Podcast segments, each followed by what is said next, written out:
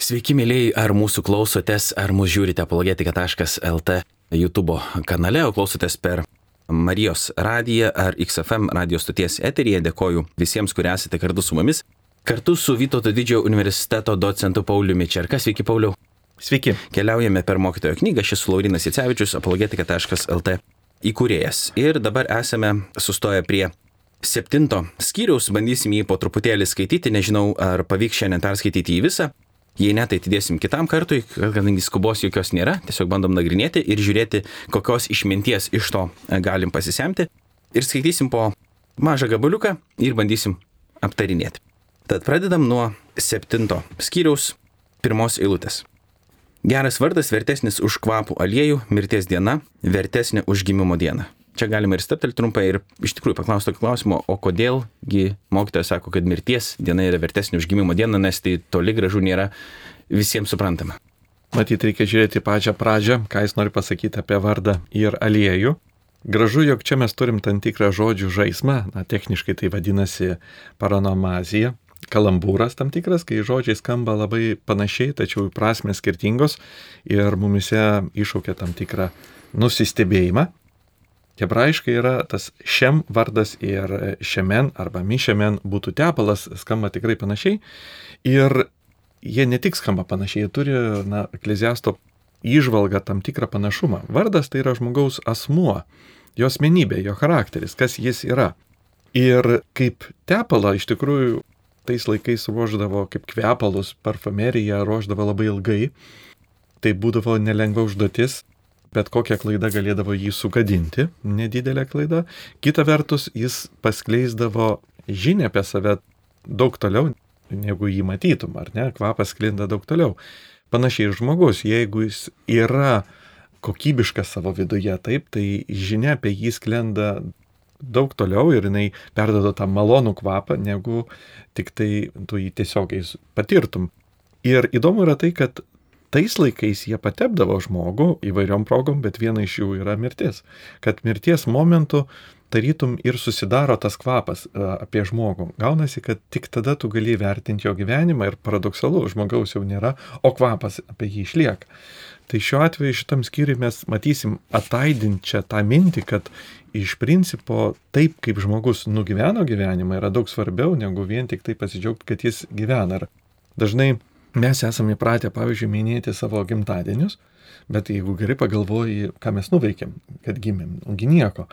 Galbūt labiau dėrėtų minėti kažkokius tai, na, papadinkime taip gyvenimo etapus, pavyzdžiui, daug gražiau, kai žmonės švenčia ten 20 metų santokoje, tai jau yra kažkas, negu minėti gimtadienį. Tai va tas požiūris, kad kai tu nueini, ar ne, tai yra daug svarbiau negu tik tai džiaugtis, kad tu va esi. Ir mirtis galutinai parodo, koks buvo kokybiškas ar nekokybiškas žmogaus gyvenimas. Ir tas kvapas, jeigu iš tikrųjų jis yra kažko vertas, na jisai keliauja toliau. Reikės atsimti visas dabar gimtadienio dovanas, kurias Paulius padovanojęs, nes nieko, nieko nenusipelnė. Bet nesu nieko padovanojęs, tai, tai viskas gal ir gerai. Skaitom dar porą tada eilučių ir pažiūrėsim, ką mokytas nori mums pasakyti.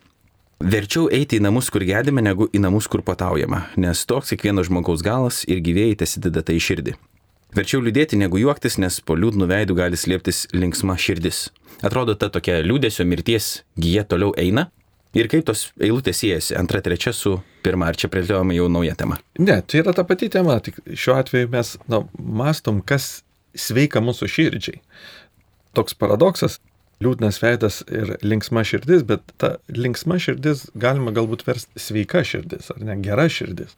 Ir kas iš tikrųjų yra naudinga mums mes galim praleisti gyvenimą pramogose, na, besilinksmindami ir atrodo labai būtų, na, gera ir linksma, bet ar iš tikrųjų tai keičia mus, ar tai yra prasminga. Kita vertus, nemalonus dalykai, pastabos, kritika, gyvenimo iššūkiai, jie nuliūdina mus. Tai natūralu, mes nuliūstam, susierzinam, pykstam, bet mūsų charakteriui tai gali būti labai gerai ir charakteris džiaugiasi, pakliuvęs į tam tikrus iššūkius. Ir va toks paradoksas, kad tai, kas linksmina tave nutrumpalaikiškai, gali būti žalinga tavo charakteriui arba tavo širdžiai ir atvirkščiai. Gyvenimo sunkumas, na, nuliūdina tavo nuotaiką, tavo veido išraišką, bet pradžiugina tavo charakterį. Ir apie tai toliau ir yra rašoma nuo ketvirtos eilutės, kad išmintingų širdį patraukia gedulo namai, o kvailų širdis pramogų namuose. Toliau verčiau klausytis išmintingo žmogaus papeikimo negu kvailo žmogaus pagirimo. Juk kvailų vaikiškumas, lygiai aškiečiais praksintis po katilų, tai irgi migla. Ir čia galbūt ta eilutė nuskambėtų kiek kontrakultūriškai, kai liktai esame mes dabar raginami visus girti ir švesti tokie, kokie yra, nes kitaip žmonės tada užsigniaužia savyje, jie pradeda blogai jaustis, jiems yra nemalonu gyventi. Ir reikia tada galbūt atsakyti bet kokiu varžybu ir duoti kokį prizą už vien tik tais, kad dalyvauja, kaip už gimtadienį, pavyzdžiui, duoti dovaną už tai, kad nieko nenuveikė, bet tiesiog jau buvai, pasirodai. Tai ar galėtume tai pritaikyti čia laikiniam kontekstui? Na, aš manau, kad žmonės mažai keičiasi, ar ne? Ir tais laikais nemalonu buvo gauti kritikos. Ir žmonės ieškotų pramogų arba švenčių.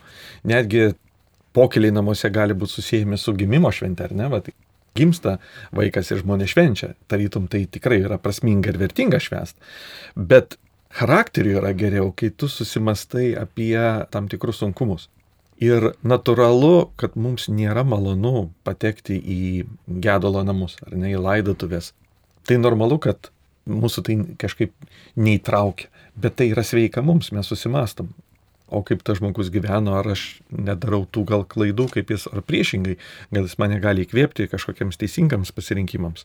Ir čia yra gražus toks vėl palyginimas vaizdingas, lyg erškiečiai sprakstantis po katilu. Na, idėja yra tokia, kad erškiečiai jie labai greit sudega, šiais laikais mes gal popierį naudojam, liepsnos daug, bet katilas neužverda. Kitaip tariant, naudos mažai. Ta atrodo ugnies yra, karščiai yra, bet jis nieko nenuveikia. O tas, kas yra tikra, tas, sakykime, gal jis netaip yra spraksėjimo daug, ar ne, bet ta ugnis, jinai ilgalaikiai, jinai kažką išverda tavyje gerą patiekalą.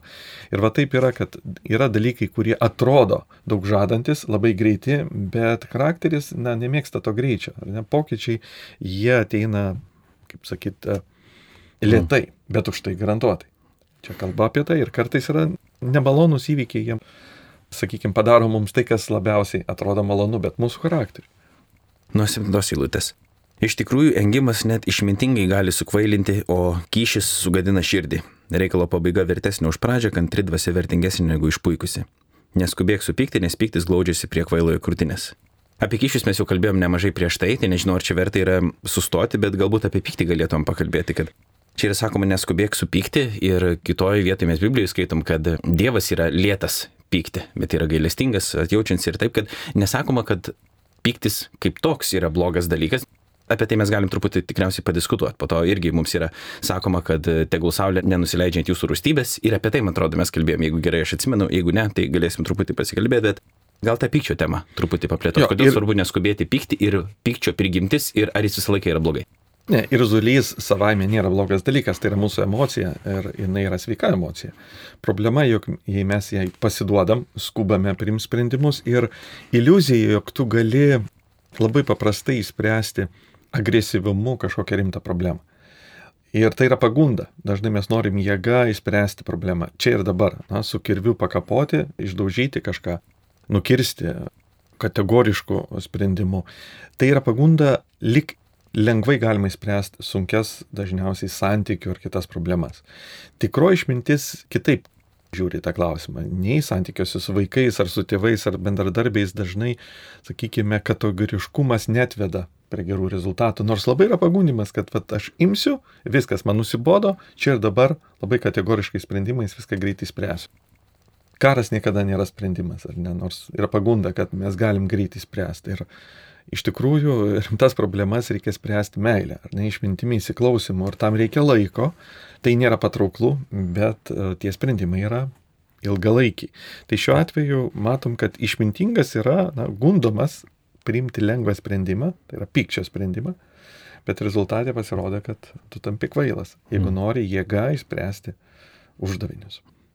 Įdomiai skamba dešimtai lūtė, nesakyk, tad kaip gali būti, kad seniau buvo geriau negu dabar, nes neišmintinga kelti tokį klausimą. Neretai pasigirsta tokių balsų, kurie sako, arba, vat, kad seniau buvo geriau, vat, mūsų laikais tai taip nebūdavo, dabar vat, jaunimas toks ir toks. Ir taip pat yra priešingų visiškai balsų, kad viskas, kas buvo senai, yra blogai. Ta prasme, jūsų, pavyzdžiui, krikščionybė yra bloga vien dėl to, kad jinai yra sena. Nes geri dalykai yra nauji dalykai, progresas. Tai kaip dabar reikėtų, mes kalbėjome apie balansuotą gyvenimą irgi mm. ir panašu, kad ir čia yra tarsi kažkoks aukso vidurys arba bent jau išmintis, kaip reikėtų traktuoti praeitį ir ateitį. Na, tyrimai sako, kad dauguma žmonių yra linkę sakyti, kad anksčiau buvo geriau.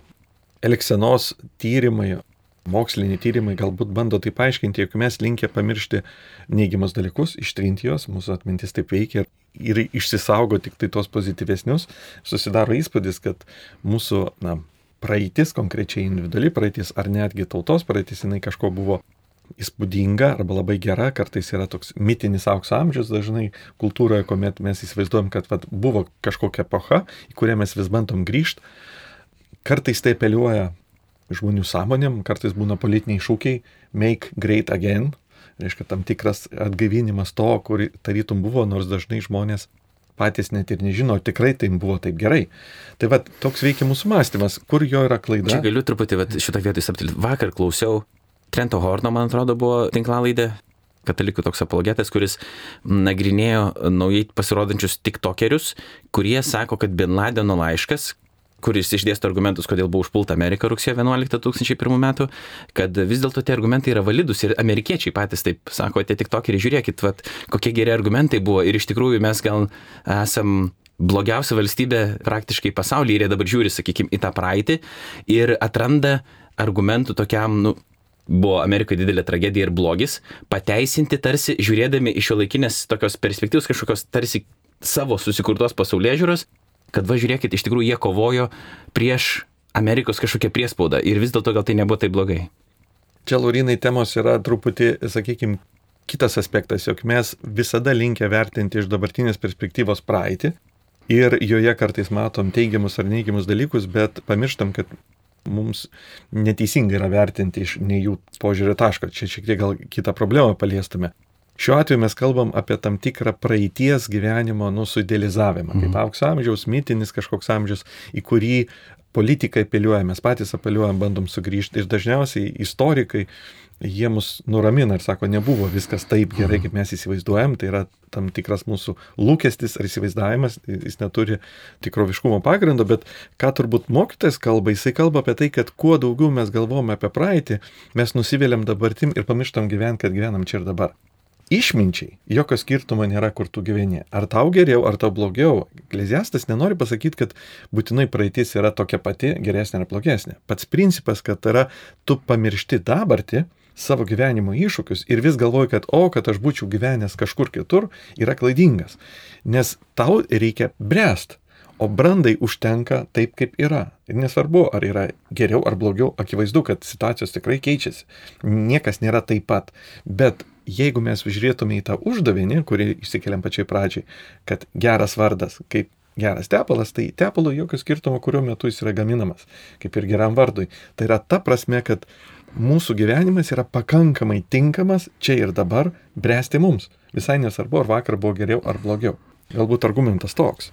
Ir 11 lūtė toliau tęsiama apie išmintį, kad išmintis taip pat vertinga kaip vertingas paveldas ir naudinga tiems, kurie mėgaujasi saulę.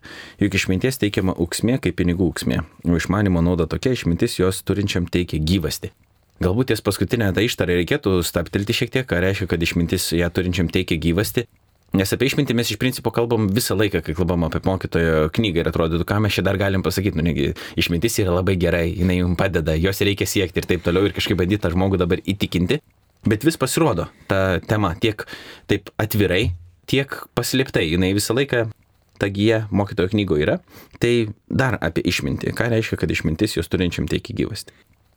Duoto atveju jinai yra naudinga tarytum kapitalas, taip? Ir šiuo atveju jis kalba apie žemišką išmintį, tokią galbūt proto išmintį.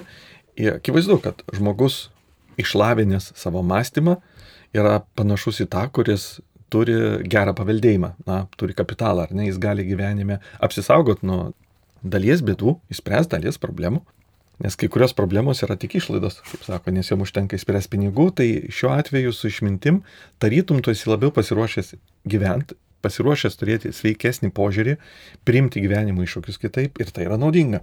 Tai yra panašus efektas, lyg būtum turtingas. Ne, tai tam tikra prasme tai panašu, kaip mes susiturėm su iššūkiais juos galim įveikti. Ir iš tikrųjų, na, žiūrim, žmonijos skirtumas nuo gyvūnijos pasaulio, ar ne, tai kad mes nesam nei greitesni, nei, nei stipresni, bet esam sumanesni ir pasirodo tai yra daug daugiau negu paprasta jėga. Lygiai taip pat toks yra pat akcentas, kad žmogus dėka išminties, savo sumanumo, gali spręsti eilį iššūkių. Tarytum, tai yra tas paveldėjimas, kurį labai sunku yra užsidirbti, bet kurį tu gauni kaip paveldėjimą, tai reiškia iš tėvų, iš giminės paveldėjimas, tai yra tam tikras kapitalas, kurio tu nepasieksi, bet kurį tu turi. Tai va, toks palyginimas yra į išmintį. Bet vėliau mes matysim išminties ribotumą. Čia jisai gyrė ją, kad jinai gali gan nemažai, bet staiga prieisim prie to, kad jinai turi ir lubas. 13 eilutė. Apsvarstyk Dievo darbus, kas gali ištiesinti tai, ką jis padarė kreivą. Gerą dieną džiaugtis gerovę, nelaimės dieną svarstyk. Abi ir viena ir kita yra Dievo darbas. Taigi žmogus negali jam dėl ko nors skūstis. Vėl čia pasikartoja tai, kad mokytas vis dėlto panašu nėra ateistas, nors jisai žvelgia proto žvilgsniu ir toliau negali matyti. Bet jis kviečia apsvarstyti Dievo darbus ir tokią kontroversišką temą vėl dabar kelia, kad tarsi Dievo suverenumo, prieš tai mes irgi kalbėjom šiek tiek apie tai, predestinacija ar, ar tai, kas yra numatyta, negali būti niekaip pakeista ir vis tiek įvyks. Tai yra, jeigu Dievas padarė kreivę, kas gali ištiesinti, iš principo viskas nuo jo priklauso. Ir galbūt galima apsvarsyti, siejant su tuo, kitą temą pasirodančią Naujajam testamente, kaip, pavyzdžiui, Dievas užkėtino širdį ir e, užkėtino faraono širdį ir tada, kad, nu, iš principo, jis galėjo pasielgti kitaip, jeigu Dievas užkėtino širdį, tai jeigu Dievas dabar padarė kreivą, tai kaip kas nors gali ištiesinti. Kai Biblijos autoriai svarsto va, tą Dievo apvaizdos veikimą ir valdymą, jie niekada to nepriešpastato žmogaus laisvai valiai, ar ne? Tai yra, net nėra tos idėjos, kad jeigu Dievas kažką padarė, tai tu nebegali spręsti kažkaip kitaip.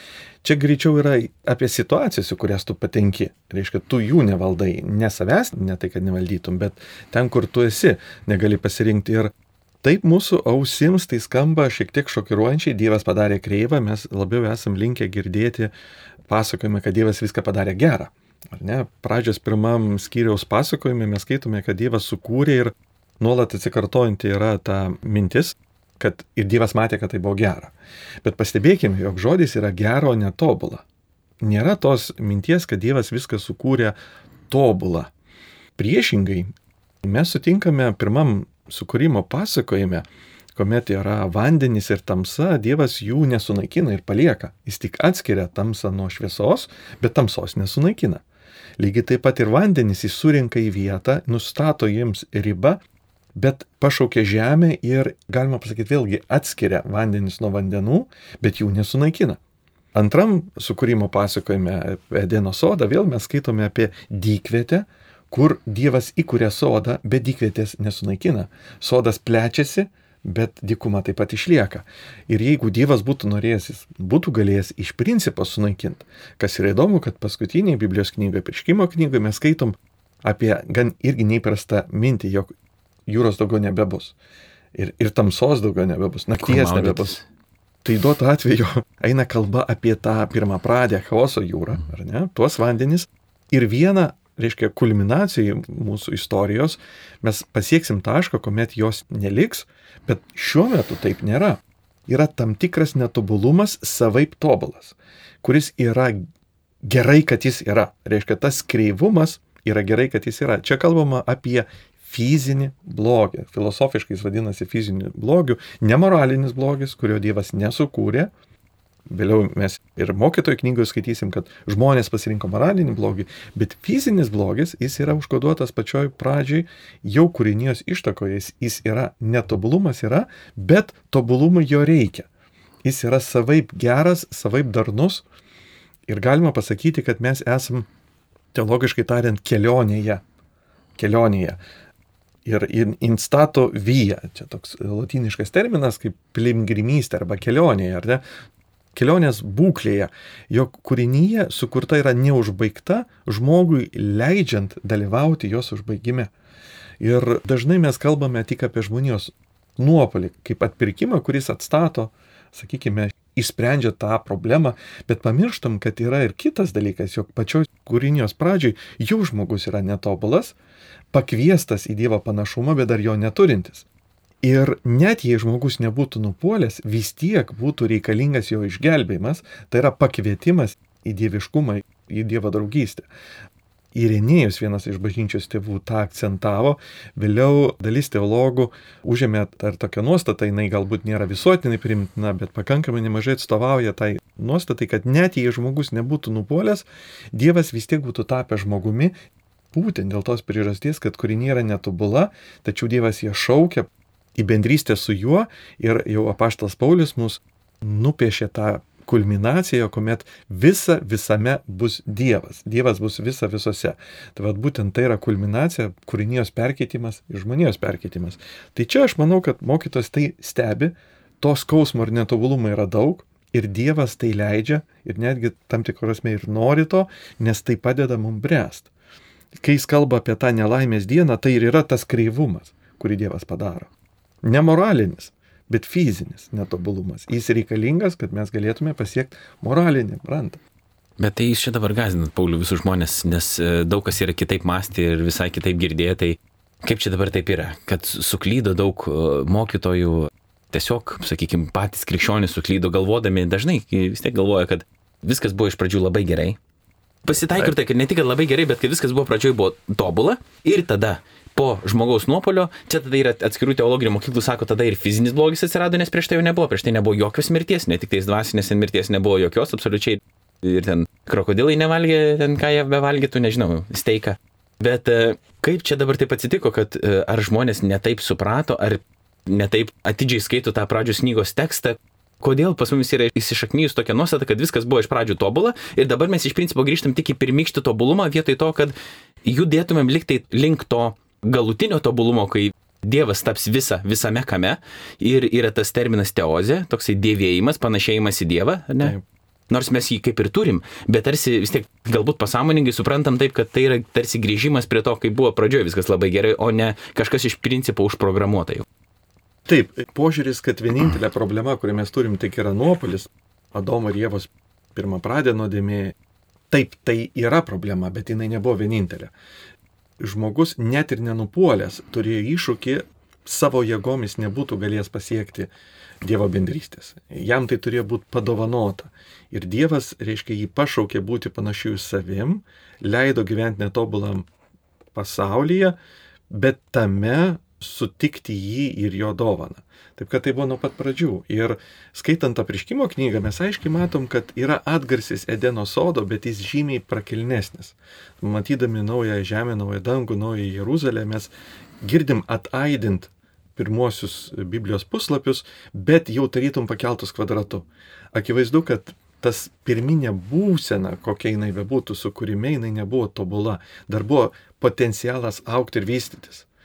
Ir diskutuojama, aišku, yra, ar Dievo sukurtam pasaulyje mirtis buvo ar ne, čia įvairių yra nuostatų. Pavyzdžiui, Tomas Akvinėtis, jis masto, kad e, buvo mirtis, nes kitaip kūrinė negalėtų būti. Jis yra reikalinga augmenijai, augalam, gyvūnams išbūti. Ir tokiu atveju jinai yra gera, ta prasme, kad miškui tai sveika jo ekosistema yra sveika, kad vieni gyvūnai miršta ir tampa maistas kitiem. Iš esmės tai yra geris, nes jeigu žiūrint iš visumos perspektyvos, nors aišku tai yra blogi žiūrint iš to, sakykime, numirusio gyvūno, reiškia, požiūrė taško, tai tikrai tai nėra nesuderinamas požiūris su šventuoju raštu, kad mirtis kaip tokia ji buvo, bet jinai neviešpatavo. Tai nebuvo jos viešpatavimo ir nebuvo jos baimės. Bet būtent tai yra nuopolio padarinys, bet ne pati mirtis fizinė prasme mirtis. Pažiūrime 15 eilutę ir toliau. Per savo trumpą gyvenimą mačiau du dalykus. Kartais teisus žmogus pražūva, nepaisant jo teisumo, ir kartais nedorelis išlieka, nepaisant jo nedurumo. Neperdėk būdamas teisus ir neperdėk būdamas išmintingas. Kamgi turėtum save pražudyti?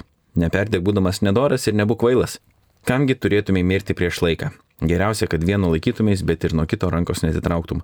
Nes kas bijo Dievo, tam su abiem seksis. Galbūt labiausiai intriguoja 16 eilutė, kurį esam kviečiami neperdėti būdami teisingi ir būdami išmintingi. Čia ir yra tos išminties ribos, ar ne, apie ką jau užsiminėt prieš tai. Taip, čia provokuojantis kvietimas dažnai mums netikėta yra, kodėl nereikėtų perduoti ir ieškoti tam tikro balanso. Ir čia turbūt galima pateikti keletą požiūrių. Vienas iš jų yra tam tikras lūkestis, kad mūsų išmintingumas nulėmė mūsų gyvenimo sėkmingumą, ar ne? Su kuo iš tikrųjų Ekleziasto knyga bando kovoti įrodydama, kad mes nevaldom gyvenimo procesų, net jeigu tu labai labai išmintingas ar teisus būtum, visai nereiškia, kad tavo žemiškas, sakykime, gyvenimas bus tuo stipriai įtakotas. Kita vertus, negalime nukrypti į kitą pusę, kad jokios prasmės tada nėra, ar ne? Ir vatarytum tarptų dviejų balansų ieškoti sveikos nuovokos. Kita vertus, galima galbūt taip žiūrėti, kad kas tas yra per daug teisus. Turbūt tas, kuris jau save mato išmintinga savo kise. O kas yra per daug neteisus, tas, kuris nemato savyje neteisybės. Tai va tas per didelis išmintingumas yra, kai tu jau nusprendi, kad tu tapai išmintingas. O per didelis neteisumas, kai jau savyje nebematai to neigiamų bruožų, ar ne? Tai tokiu atveju tu ne tik, kad esi neteisus, tu jau esi per daug neteisus. Galbūt aš, sakykime, iš tos pusės žiūrėčiau į kvietimą tam tikros Dievo baimės, tai yra santūrumo požiūrį į save.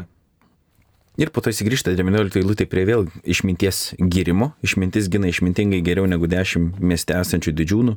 Iš tikrųjų nėra žemėje nei vieno žmogaus, kuris būtų toks teisus, jog tik gerai elgtųsi ir niekada nenusidėtų. Čia panašu apie tai, ką, ką tik kalbėjot. Pagaliau nekreipdėmėsio į visą, ką žmonės kalba, kad neišgirstum savo vergo tave keikiant, juk savo širdyje žinai, kad dažnai esi keikęs kitus. Visą tai tyriau išmintimi, tariau būsiu išmintingas, bet išmintis liko toli nuo manęs, toli visa, kas buvo ir giliai giliai palaidota. Kas gali tai išaiškinti? Atsidėjau širdimi pažinti, tirti, ieškoti išminties bei dalykų supratimo, norėdama suvokti, kad nedarumas kvailas, o kvailybė - beprotybė. Labai daug dalykų čia pasakyti, aš tik pradžiai vieną užvesiu, o po to jūs jau plėtokit, kaip atrodys, e, link to, kur norėtųsi, kad tarsi veidrodis yra atgrėžiamas į mus ir jeigu mes esam pasipiktinę tuo, kas vyksta išorėje, sakoma, pažiūrėk į save, pats lygiai tai padarai, tik ko čia piktinėsi. Pats geriausias vaistas - pažiūrėk į save ir dažnai mes pamirštam. Pažiūrėti į save labai sunku yra pažiūrėti į save iš šalies. Ir labai dažnai mes atrastume savyje tai, už ką smerkiam kitus. Ar yra dar čia kažkas Čia mes atidarom naują mintį, kad visą tai ištyriau išmintimi, tariau būsiu išmintingas, bet išmintis liko toli nuo manęs. Čia tam tikras paradoksas. Viena vertus aš nusprendžiu būti išmintingas, kita vertus suvokiu, kad negaliu jo tapti. Va, ir čia yra tos išminties ribos, jog aš negaliu tikrosios išminties pasiekti žmogišką išmintimi. Žmogiška išmintis yra naudinga, bet ji turi ribą, tu negali pasiekti dieviškos išminties. Ji per giliai, per aukštai. Ir vat, vėliau jis tęs tą mintį, kuri atsikartoja daugelį knygų išminties literatūroje ir jas apjungia, jog žmogus nėra pajėgus vien tik tai užsinorėjęs pasiekti tos išminties, kuri yra tikroji, arba kuri mes sakom iš dangaus nužengusi, dieviška išmintis, tai yra ta gilio išmintis. Taip jis gali tapti žemišką prasme išmintingas. Taip, tai žmogus tai gali padaryti. Ir tai yra prasminga. Šaunu, jeigu tai pavyksta. Bet to neužtenka, kad taptum tikrai išmintingas jau dangiškoje perspektyvoje. Ir šiuo atveju čia yra jo žodžiai, kad išmintimi, tyriau išmintimi, tariau būsiu išmintingas, bet jį liko toli nuo manęs. Ir vėliau jisai pateiks pavyzdį, tam tikrą alegoriją, kurią bandysim irgi minti. Tai pabandom, pažiūrim nuo 26 eilutės iki pabaigos. Man moteris kartesnė už mirtį. Jis pastai jo širdį žavangos, o rankos pančiai. Kas patinka Dievui, tas juos išvengs, bet kas nusideda, e, tą jį pagaus. Štai ką radau, sako mokytojas, kai dėjau vieną dalyką prie kito, ieškodamas jų supratimo. O štai ko dar tebe ieškau, nors nesėkmingai. Vieną vyrą iš tūkstančių užtikau, bet ne vienos moters tarp jų niekada neradau.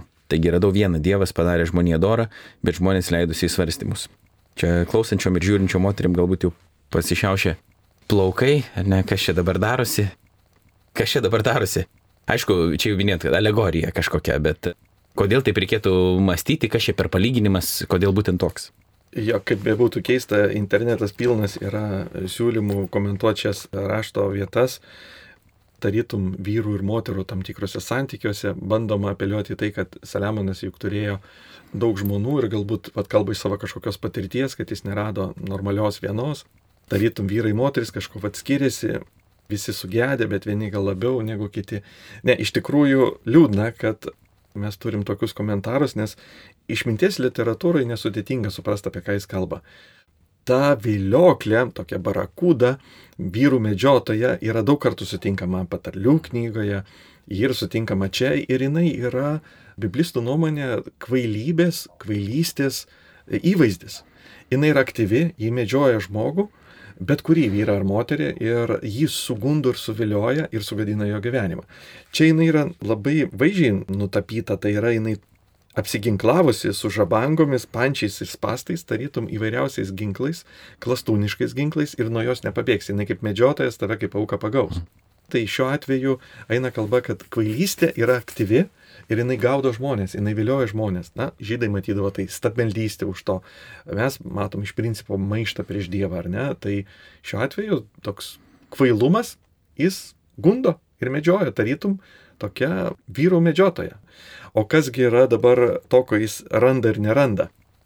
Taip, daugumas vertimų kalba apie tai, kad jis rado vyrą, vieną iš tūkstančio, bet nerado moters, bet Iš tikrųjų, žodis vyras yra Adam, reiškia žmogų.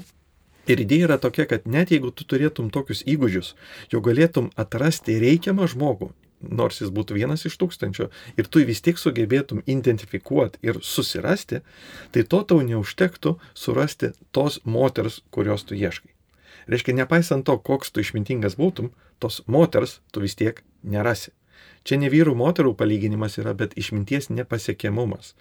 Reiškia, nors tu būtum maksimaliai ištobulinęs savo paieškos įgūdį, vis tiek to neužteks. Ir čia galiu tiesiog keletą dar rašto vietų pasakyti apie mūsų nepajėgumą vat, pažinti dievišką išmintį. Pirmas korintiečiam, apaštalas Paulius pirmam skyriui kalba, čia 18-24 eilutės, kadangi pasaulis išmintimi nepažino Dievo pagal jo išmintį. Mes kelbėme Kristų Dievo išmintį. Antram skyriui jis kalba, mes kelbėme paslaptingą ir paslėptą Dievo išmintį. Kolosiečiam laiškiai sako Kristus, kuriame slypi visi išminties ir pažinimo turtai. Jokūbo laiškė mes skaitom, kad yra išmintis, kuri nužengia iš aukštybių, išmintis, kuri kilo iš aukštybių. Jobo 28 skyrius labai gražus yra tiesiog skirtas tam klausimui, jog yra įvairūs brangakmeniai po žemę, virš žemės ir žmogus gali daug ką surast, daug ką suprast, technologijos prasme, pažinimo prasme, bet vieno dalyko žmogus negali. Jis negali surasti išminties. Jis 12 lūtį klausė, bet kur randama išmintis? Jok žmogus nežino jos kainos ir jos nėra gyvųjų krašte. Netgi ir mirusių krašte jos nėra. Jos niekur nėra žmogui neprieinama. Ir baigėsi to, kad Dievas žino jos kelią ir vietą, kur ji yra. Saliamono išminties knygoje 8 skyrių galima pakviesti klausytus paskaityti, kuomet veikėjas kuris prisistato Saliamonui, jisai meldžiasi suvokęs, jog tik išmintis padarys jo gyvenimą primtiną Dievui, tačiau jis ją gali gauti tik dovanai. Dievas gali ją suteikti, bet tu jos negali paimti. Ir va čia yra lygiai tas pats su tos moters paieška. Patalių knygoje mes skaitom apie tą moterį, kuri yra didelė dovana, jeigu jinai buvo rasta, bet šiuo atveju jinai yra tampa ir dovana tam, kuris ieško, kuris suvokia, kad jis negali pats jo surasti, bet jam gali būti dovanota. Tai šiuo atveju ekleziastas pripažįsta, jog intelektu mes galim pripažinti, jog Dievas turi išminti, jinai kažkokia tikrai turi būti, bet jos mes negalime pasiekti, net ir kokie būtume protingi. Vis tik čia mes galim papildyti jį ir nudžiuginti ekleziasto tą nerimą, kad taip, Mes negalim jos pasiekti, bet ji gali nužengti pas mus. Jis gali ateiti pas mus. Mes negalim užlipti pas ją, bet ji gali ateiti pas mus ir ji gali būti mums padovanota. Ir Kristuje mes tą matom, jog Dievas nužengia pa žmogų, ne žmogus užžengia pas Dievą, bet Dievas užžengia pa žmogų, į jo lygį nusileidžia, tampa vienu iš mūsų, tam, kad mes, na, išminties kalboje ją surastume. Tai šiuo atveju tai būtų šitos alegorijos prasmė. Mūsų intelektualumo ribos ir kita vertus Evangelijos džiaugsmas. Na labai gražiai, čia viską pasakėt, Paulius, bet ką, ką pasakysiu, dabar sugadinsiu, tai daugiau nieko nesakysiu, baigsim. Šiandien uh, spėjom aptarti visą septintą skyrių, kitą kartą eisim prie aštunto. Dėkojom Marijos radijui, kad mus čia įsileido. Malonu su pačiu gyvai irgi sustikti ne per nuotolį. Viliuosi, kad ir tiem, kurie mus ne tik klauso, bet ir žiūri, irgi buvo smagiau mus pamatyti kartu sėdinčius vienas prie kito. Dėkoju visiems, kad buvot kartu. Jeigu ką nors esat praleidę, viską galite rasti tiek Marijos radio grojaraščiuose Biblijos slėpinių, tiek apologetika.lt YouTube kanale grojarašti Biblijos slėpiniai. Ačiū visiems, ačiū Pauliu ir iki kitų susitikimų. Sudė. Iki, sudė.